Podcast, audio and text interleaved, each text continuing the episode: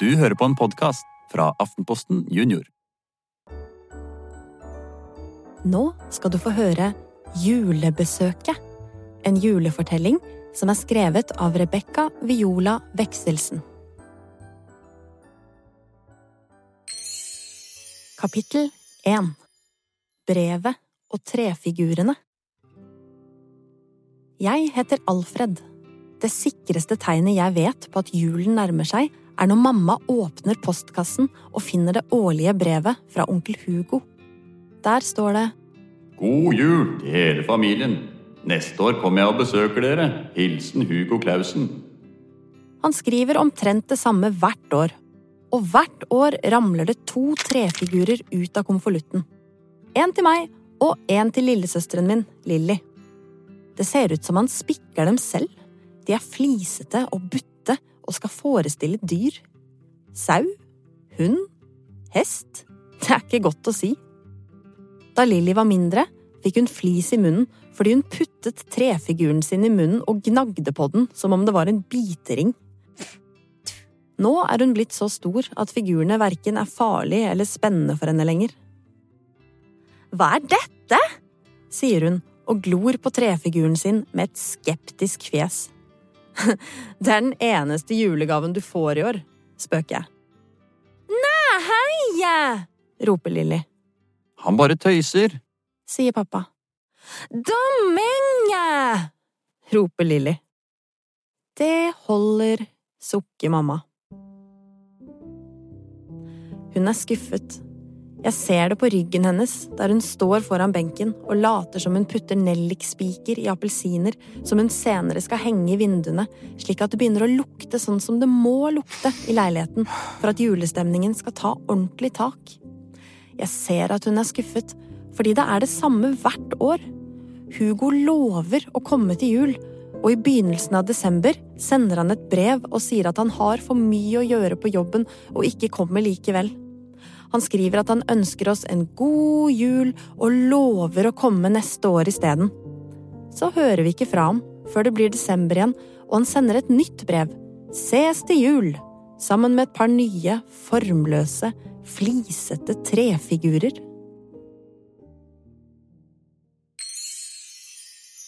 Kapittel 2 En ukjent storebror Hugo er storebroren til mamma.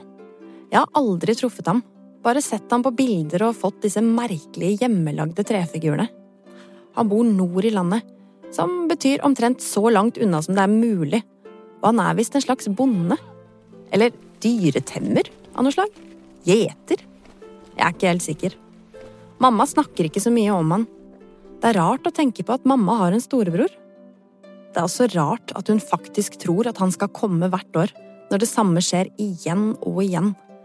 Det er på en måte en koselig tradisjon, fordi det er som sagt det sikreste tegnet på at julen nærmer seg. Bortsett fra det med mammas humør, da. Men det pleier å gå fort over. Bortsett fra Lilly er det nok ingen i verden som er så glad i julen som mamma. Og snart er hun i gang med å bake ulike småkaker mens hun nynner En rose er utsprunget og Du grønne, glitrende tre, god dag og alle de andre gamle julesangene som det virker som det bare er mamma i hele verden som kan. Men i år har ikke det dårlige humøret til mamma gått over. Dag etter dag står hun foran benken med høye skuldre og stirrer tomt inn i veggen foran seg. Eller hun står foran vinduet og stirrer ut på gaten. Eller sitter i sofaen og bare sukker.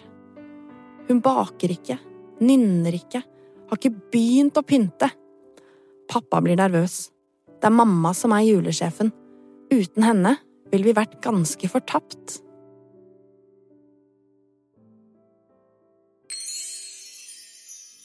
Kapittel tre Reiser på juleferie Jeg har begynt å tro at det ikke blir noe jul i år, da pappa en morgen vekker Lilly og meg grytidlig, enda juleferien har begynt. Ute snør det, store filler daler ned utenfor soveromsvinduet, og først tror jeg pappa vekker oss for å vise oss at den første snøen har kommet, God morgen, småtroll. Kle på dere. sier han i stedet. Jeg er forvirret. Lilly gnir seg i øynene og sutrer, men så får hun øye på snøen. Snø! Det snør! Kan jeg ake? Ikke nå, Lilly. Vi skal reise på juleferie. Juleferie? Vi reiser da aldri på juleferie. Drømmer jeg fremdeles? Vi skal kjøre til nord og besøke onkel Hugo. sier pappa. Vi har aldri vært på juleferie, og vi har aldri vært nord i landet. Pappa og mamma har allerede pakket bilen. Den er stappfull av bager, soveposer og julegaver. Mamma virker spent og kan nesten ikke vente med å komme seg av gårde. Når er vi framme? Spør Lilly etter bare noen minutter. Om et par dager, svarer mamma og ler. Lilly måper. Hun vet ikke om mamma tuller eller ikke.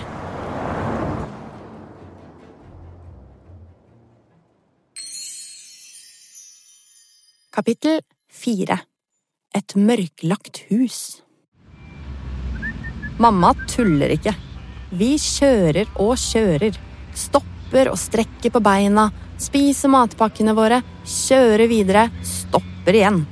Lilly og jeg dupper av innimellom, og mamma og pappa bytter på å kjøre og sove. Det blir mørkt, så lyst igjen, og så faller det på et mørke som ikke slipper taket. Da pappa snur seg mot oss og endelig sier vi er fremme, vet jeg ikke lenger om det er dag eller natt.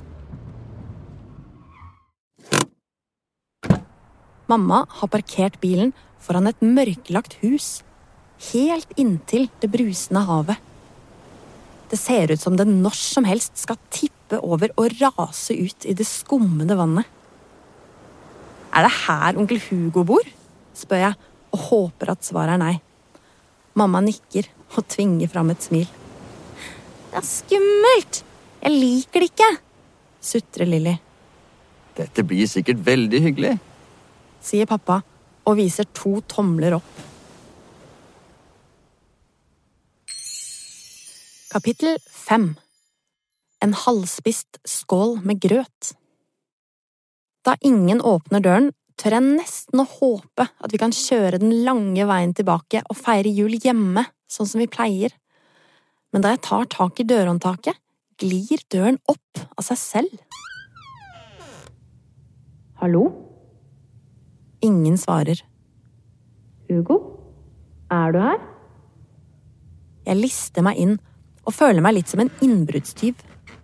Det står et par store, svarte støvler på gulvet, og over dem henger en diger frakk på en knagg. I vinduskarmen står radioen på.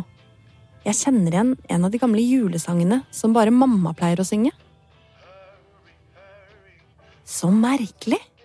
Det virker som han bare har gått fra alt sammen, mumler mamma og ser bort på bordet og den halvspiste skålen med grøt som står der. Vi skal nok finne ham. Pappa stryker mamma over ryggen. Noen her må jo ha sett ham. Kapittel seks Hvor er Hugo? Det plinger i dørbjellen idet vi kommer snublende inn på bygdas eneste restaurant. Mamma strener bort til en tynn, rynkete mann som serverer suppe til to eldre menn i regntøy. Hugo Clausen, sier mamma. Har noen sett ham? Servitøren skyver brillene helt ned på nesetippen og kikker på mamma over brilleglassene. Mener du nissen? Nissen? sier mamma og snur seg mot oss. Pappa trekker på skuldrene og ser minst like forvirret ut som mamma. Er Hugo julenissen? hvisker Lilly til meg. Øynene hennes er klinkekulerunde. Selvfølgelig ikke, hvisker jeg tilbake. Vi kaller ham nissen fordi han er litt skrullete. Servitøren skyver brillene på plass igjen. Det er ikke vondt ment, vi er glade i Hugo, men i det siste har han surret verre enn før. Vi kan ikke finne ham, sier mamma, og jeg hører at stemmen hennes skjelver litt. Han dukker vel snart opp igjen. Det er sikkert bare å se til dyrene. Det kan gå dagevis uten at noen av oss ser snurten av ham. Lilly napper meg i armen. Tenk om han er nissen på ekte! maser hun. Mamma går bort til vinduet og kikker ut. Det blåser opp til storm. Jeg liker ikke tanken på at han er der ute alene. På vei tilbake til huset blåser vi nesten bort. Vinden hyler i ørene. Tenk å være ute i dette været. Hva er det onkel Hugo holder på med?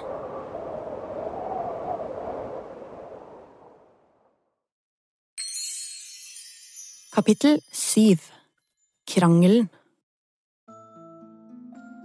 Onkel Hugo pleier visst ikke å pynte til jul.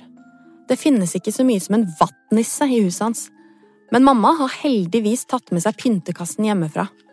Hun henger julestjerner i vinduene, tenner adventsstaken, plasserer små nisser i vinduskarmene og finner frem den røde duken til spisebordet. Hun åpner lokket til en tung kiste under kjøkkenvinduet. Den er proppfull av innpakkede gaver. Se her, dere! Hugo hadde nok tenkt å besøke oss likevel, sier mamma. Jeg lurer virkelig på hvor han har blitt av. Stormen er stilnet, og det har begynt å snø. Nå går vi ut i hagen og pynter flaggstangen med julelys, sier pappa. Lilly spretter rundt meg og fortsetter å mase om onkel Hugo. Tenk om han er nissen! sier hun. Lilly, slutt. Onkel Hugo er bare onkel Hugo. Men tenk om! Hallo, bare tenk om! Kan du stoppe? Nissen fins ikke! Brøler jeg. Det var ikke det jeg hadde tenkt å si. Det bare datt ut av meg. Lillys øyne blir blanke, og jeg vet hva som kommer til å skje nå. Hun er stille en liten stund, mens skriket liksom bygger seg opp inni henne, før det slippes ut med full kraft. Lilly hyler og da pappa snur seg mot oss, er både hans og Lillys ansikt helt rødt. Det var bare det som manglet. Nå har du ødelagt julen for Lilly.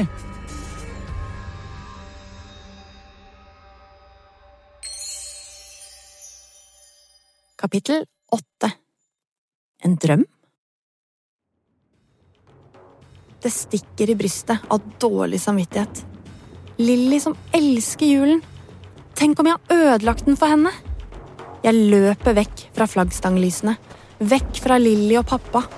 Vinden blåser meg nesten over ende, og jeg aner snart ikke hvor jeg er. Da jeg snur meg, vet jeg ikke hvor jeg kom fra. Jeg ser ingenting.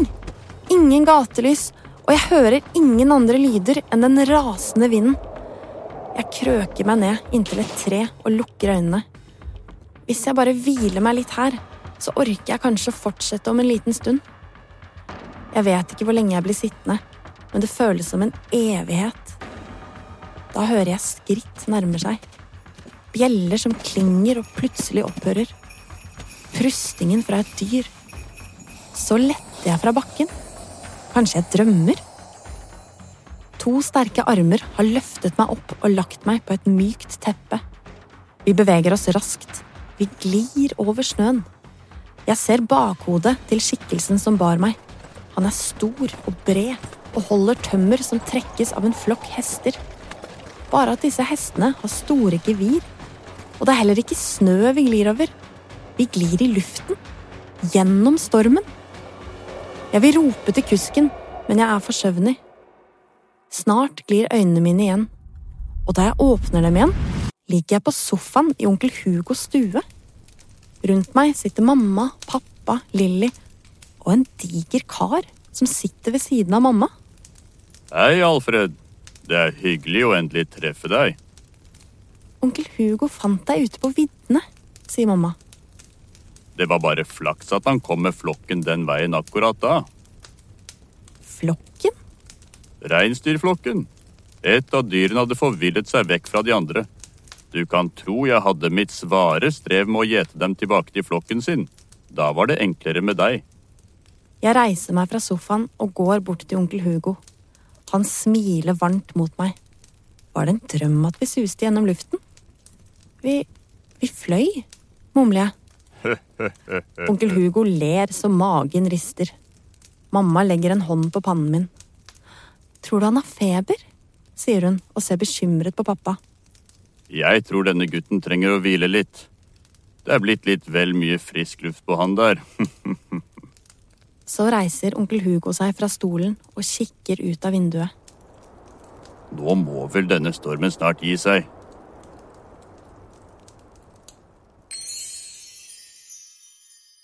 Kapittel 9 Tom kiste Onkel Hugo har stilt seg i gangen med frakk og støvler.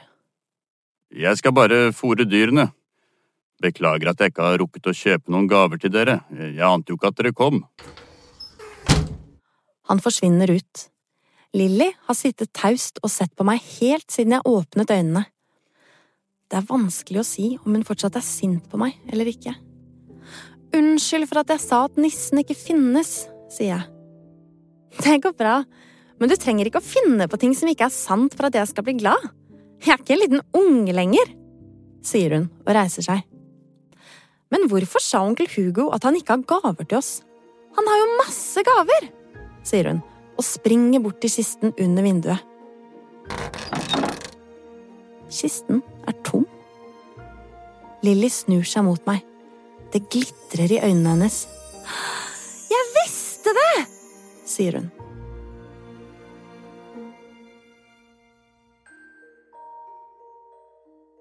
Julebesøket ble lest av Eivind Mørk og meg, Kari Mette Hole. Vi i Aftenposten Junior ønsker dere alle sammen en skikkelig god jul! Podkasten er produsert av Truls Rokiki og Filt. Vår ansvarlige redaktør heter Mari Midtstigen.